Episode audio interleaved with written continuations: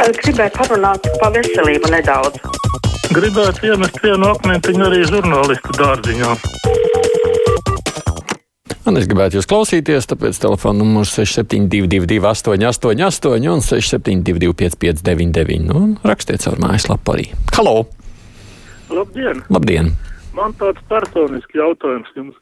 Vai tiešām jūs esat atteicies no sava lielākā sapņa? Nesen TV24 Twitter sāgā redzēju, ka kāds aidis vairs negribot intervēt Vladimiru Putinu. Vai tas esat jūs un vai tā ir tiesa?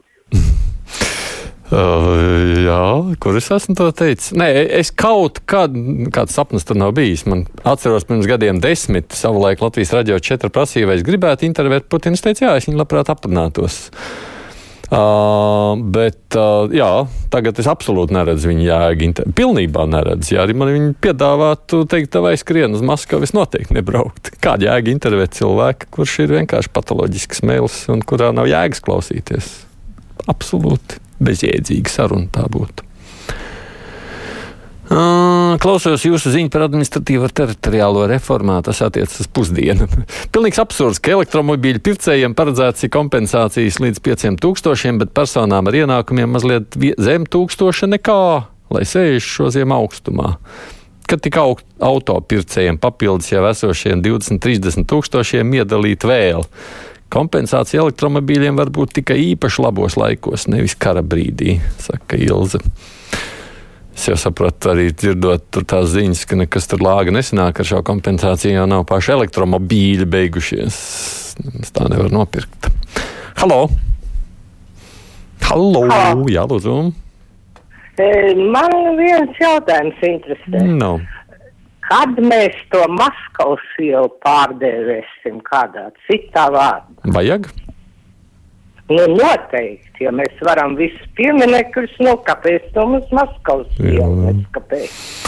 Nu, es šo es esmu atkal savukārt skeptisks. Man liekas, viss šī iela, nu, tīpaši Maskavas iela, jau man liekas, es viņu nesaistu tikai un vienīgi nu, tādā aspektā. Var jau būt. Kad, tāpat tās kā Krievijā vairs nav Kievas kotlets, pārto par visām citām kotletēm. Tas man liekas, tā ir tāda bišķi bērnišķīga mazoša, māžošanās. Par izglītības kvalitāti biju klāt, kad oficiāls nespēja sarunāties ar ukraiņiem. Puisis septiņus gadus skolā mācījies krievu valodu. Valodu mēs redzam, bet vai ir iemesls domāt, ka citi mācību priekšmeti ir apgūti labāk, vai tā tomēr nav skolotāja atbildība par savu darbu rezultātu? Arotbiedrība runā par streiku, nevis kvalitāti. Ai, ja mani bērni arī mācās vairākus gadus krievu valodu, nu, tas ir tik grūti. Es šaubos, ka viņi tā arī iemācīsies kaut cik iedzīgi kaut ko runāt vai saprast. Mūsdienu jaunatnei tikt pie krievu valodas nenāks viegli. Halo! Halo! Jā, lūdzu!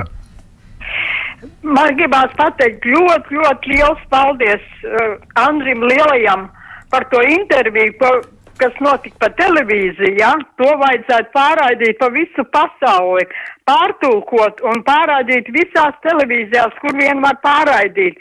Jo no šīs intervijas viss kļūst skaidrāks pa skaidru, kas bija līdz šim neskaidrs.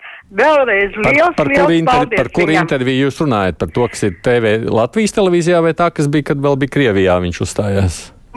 Nē, nē, to, kas uh, Latvijas televīzijā vakar bija atkārtojums, jā, un, un, un tā, kas bija Latvijas, nokla, noklausījos, noskatījos, esmu lielā sajūsmā, ka ir tāds cilvēks, kas var tik skaidri un tik loģiski visu izskaidrot. Tādu cilvēku es pirmo reizi dzirdu starp latviešiem.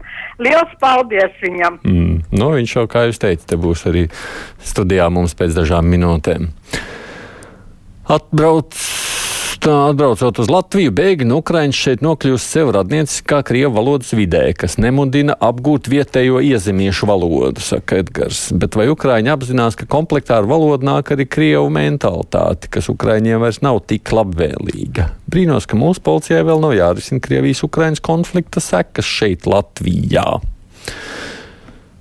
Nu, man gan liekas, atkarībā no tā, kurā vietā šī Ukraina nonāk. Mēs redzam, ka Reizeknē nekādas intereses nav, lai gan ir pietiekoši dzirdēts arī par tādiem, kas grib, izrāda vēlmu un dara un mācās jau šobrīd. Halo!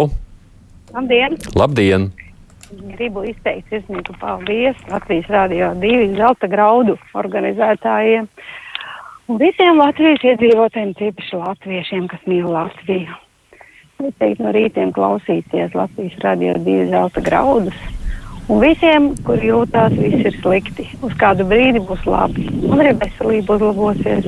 Mm. Labs noskaņojums. Nē, kolēģi no Latvijas raidījā divi saņēma labus vārdus.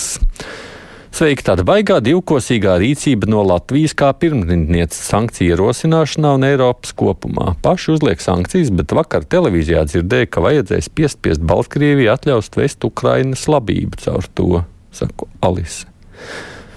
Kas gan jums tur šķista divkosīgs? Tur, protams, ir bijušas ziņas par to, ko tas varētu maksāt, runājot par Baltkrieviju. Bet, nu, runājot jau par savukārt labību un graudiem, tas ir tas jautājums, kas jā, nu, ir sāpīgs un aktuāls. Pilnīgi noteikti.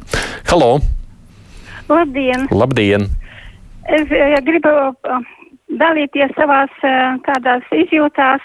Es vakar biju Tukumā, tur man vecāki ir abedīti un tur bija kapu svētki, bet ko es gribu pateikt, ar katru gadu, kad es aizbraucu, es citreiz arī biežāk aizbraucu, bet tagad es notiek tikai tādās reizēs braucu un es prie, vienmēr priecājās mana sirds, cik tur ir sakopta pilsēta un arī tie brā, meža kāpi un gara, pie meža kāpiem ir pirmā pasaules kara uh, brāļu kapi.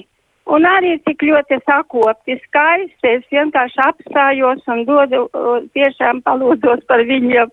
Nu, brīnišķīga pilsētiņa, ļoti brīnišķīga pilsētiņa, jā, viss ir sakops un visur izstādīts zaļumiņu un arī pie kapiem tagad ir trepītis ir uztaisītas, ir kādreiz pat taisno bija jākāpaini, bet tagad viss caur līdz augšai trepītis ir uztaisītas. Par Nu, es vienkārši saīsināju. Paldies par nu, katram redz savas lietas, kas priecē. Reizēm labi, ka priecē. Ilgi saka, tad jau Maskavu arī pārdēvēsim.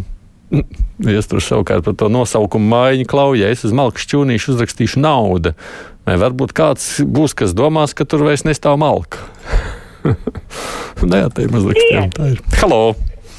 Labdien! Labdien! Vai varētu palūgt jums tādu lietu? Nu. Es vēlos piedāvāt magnetofonu, uh, magnetofonu majaks 205. Varbūt, ka klausās kāds retro uh, kolekcionārs. Nu, es jau tas sacīšu tā, es, protams, nevaru uzņemties šeit tirgus lomu, jo tad brīvais mikrofons pārvērtīsies par tirgu, bet es pieļauju, ka gan jau kāds interesants pilnīgi noteikti varētu gribēt sameklēt Bet vai tā ir vēl tāda lieta, kas šobrīd nav dabūnama un tik liela retro, to es nezinu. Mani bērni apgūta krievu valodu krievu bērnu dārzā, jo latviešu valodas bērnu dārzā nebija pieejama, saka Velta, un tas ir tikai pluss darba tirgū.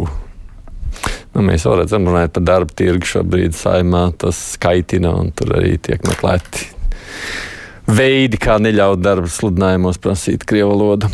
Halo! Halo! Jā, lūdzu! Uh, vai es varu runāt? Ja? Jā, jā, droši. Ziniet, to, ko kundze piezvanīja par to lielisko interviju, to intervēja Armands Puče, Puče 24. Nu, kanālā, ja teiksim, TV24, un tiešām tā intervija bija ļoti lieliska, tā kā paldies Andrim Lielajam. Ja? Mm. Nu, viņš jau dzird un māja roku un saka, redz, ka te ah. viņš ir un ir dzird, ko jūs sakāt. Kā mēs jau pēc brīža arī viņu runāsim. Un Latvijas radio 4 vakar atskaņoja dziedātāju Lepsu.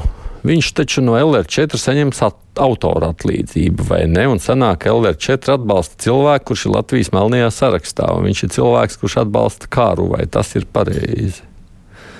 Roberts saka, interesanti, kā tur tās autora at, atlīdzība tematika šobrīd ir runājot par krievu dziedātājiem, es nezinu. Tiešām nezinu, tas būtu interesanti dzirdēt. Halo! Labdien! Labdien. Gunārs no Rīgas. Jā, Gunārs. Tomson, palīdziet tautai. Hmm. Izplatīt, ka tagad ir tāda slimība, ko sauc par politisko caurīju. Tas ir klaiņāšana pa daudzām politiskām partijām.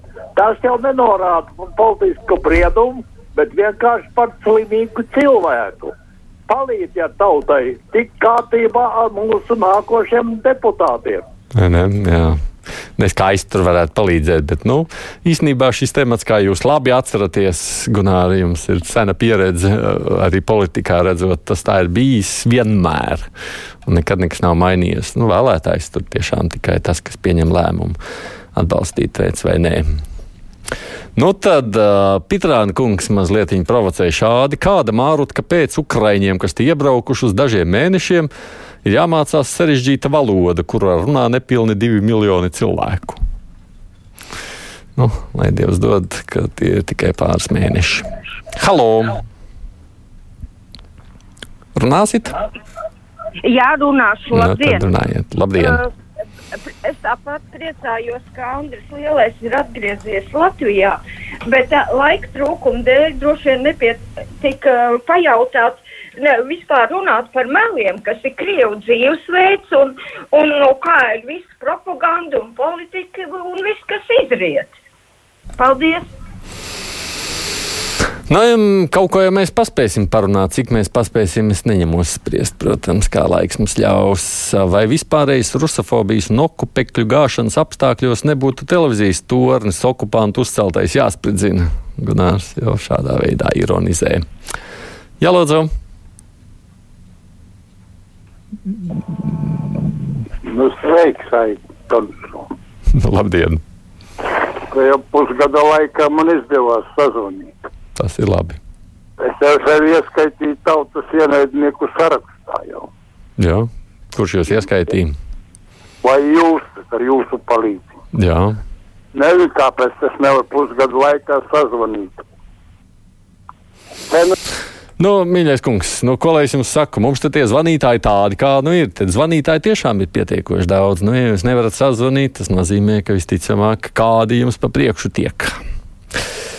Esam dzirdējuši, ka Igauni tieši tāpēc ir aizrāvušies ar Latvijas apceļošanu, ka provinces pilsētas ir ļoti sakoptas.